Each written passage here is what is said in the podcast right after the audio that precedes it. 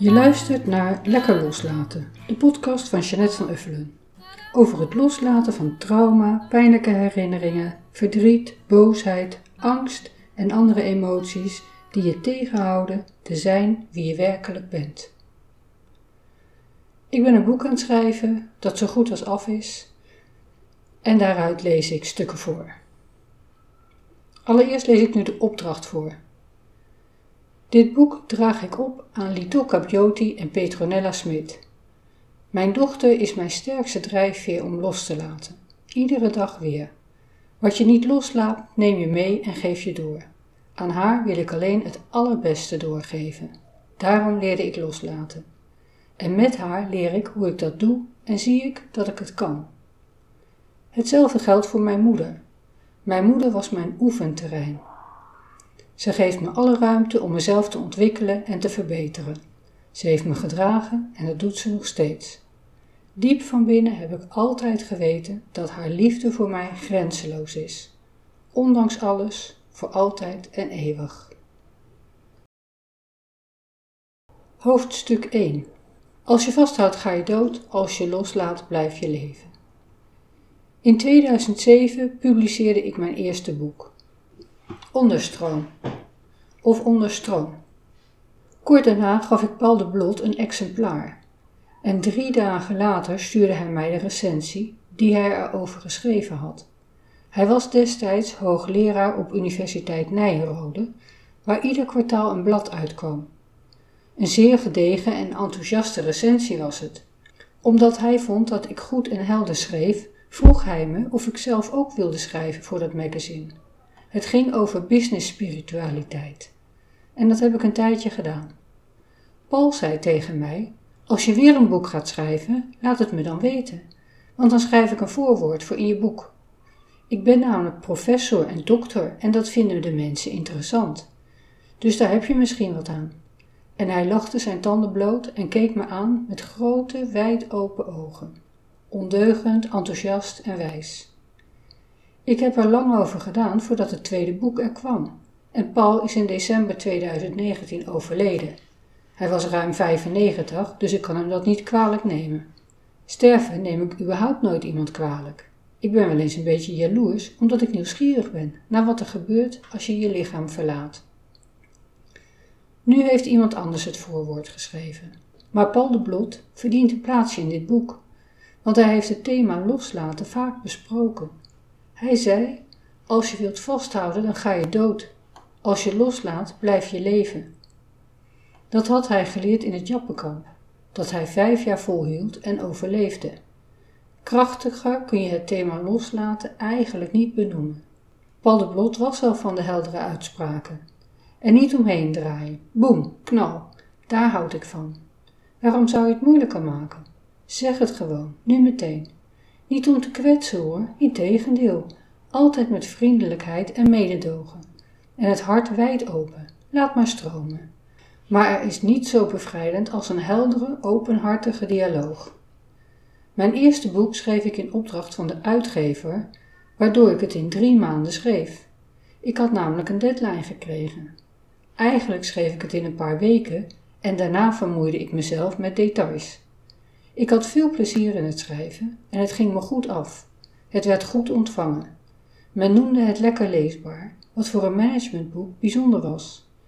Waarom ik niet sindsdien ieder jaar minimaal één boek geschreven heb? Als ik het wist, had ik het gedaan. Te bezig, te afgeleid, te onzeker, te noem maar op. Maar nu doe ik het gewoon, want nu heb ik precies dat losgelaten wat me tegenhield en daarover gaat dit boek. Lekker loslaten, vanwaar die titel? Waarom zou je naar mij luisteren? Wat weet ik nou eigenlijk van loslaten? Goeie vraag. Ik weet heel veel van loslaten en ik ben er een meester in.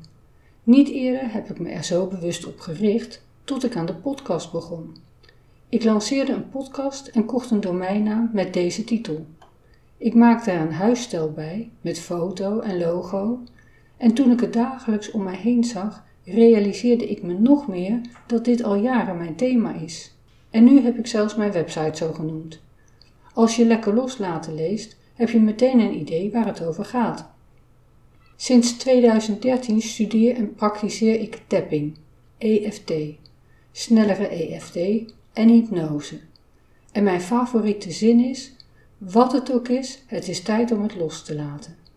Deze zin heb ik al vele duizenden keren uitgesproken, alleen in groepen en in vele sessies.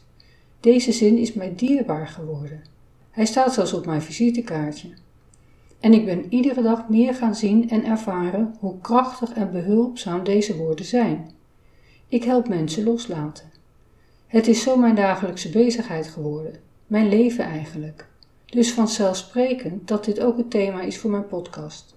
Het kwam eigenlijk spontaan op, met gemak en zonder twijfel. Ongeveer de helft van mijn werkzaamheden is in het Engels, maar ik besloot toch tot het schrijven van dit boek in mijn moerstaal, dicht bij huis en dicht bij mezelf. Ook al kan ik me goed uiten in het Engels, het Nederlands ligt mij toch nader aan het hart. Het is de eerste taal die ik sprak als kind en waarin ik alles leerde van mijn ouders en grootouders. Het is de taal waarin ik opgevoed en geprogrammeerd ben. Dus ik heb gekozen voor mijn taal en toen was deze titel er direct. Lekker is een niet te vertalen Nederlands woord, maar dat lossen we later wel op.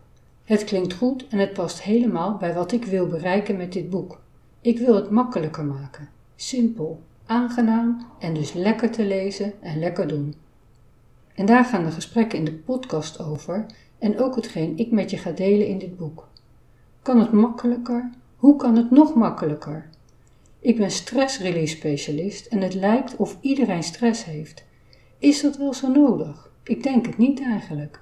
Dus wat kunnen we daaraan doen? Niet zozeer iets doen tegen de stress, denk ik dan, maar gewoon ervoor zorgen dat je het niet krijgt en niet hebt. Maar het leven is onvoorspelbaar, dus je kunt ieder moment schrikken van iets. Daarom wil ik je een manier leren waarmee je de stress snel weer loslaat. Wat kun je daar zelf aan doen? Op een simpele manier, dus geen vakjargon en geen pagina's vol met to-do-lijstjes, plannen plannen en meer stressverhogende dwang. En ook niet gedwongen stilzitten als je er helemaal geen tijd voor hebt. Maar wat dan? Lees maar verder. Of ga eerst even een podcastje luisteren. Verhalen uit het verleden. Het verleden is voorbij. Het is over. Je kunt het niet terugdraaien. En vaak zijn we bezig met willen dat het anders was geweest. Maar dat kan niet. Dat kan niet. We kunnen het verleden niet veranderen. En dat hoeft ook niet. Het is niet nodig om door te kunnen met je leven. Wat daarvoor nodig is, is slechts het veranderen van je perceptie. En dat kan wel. Dat ga ik je leren.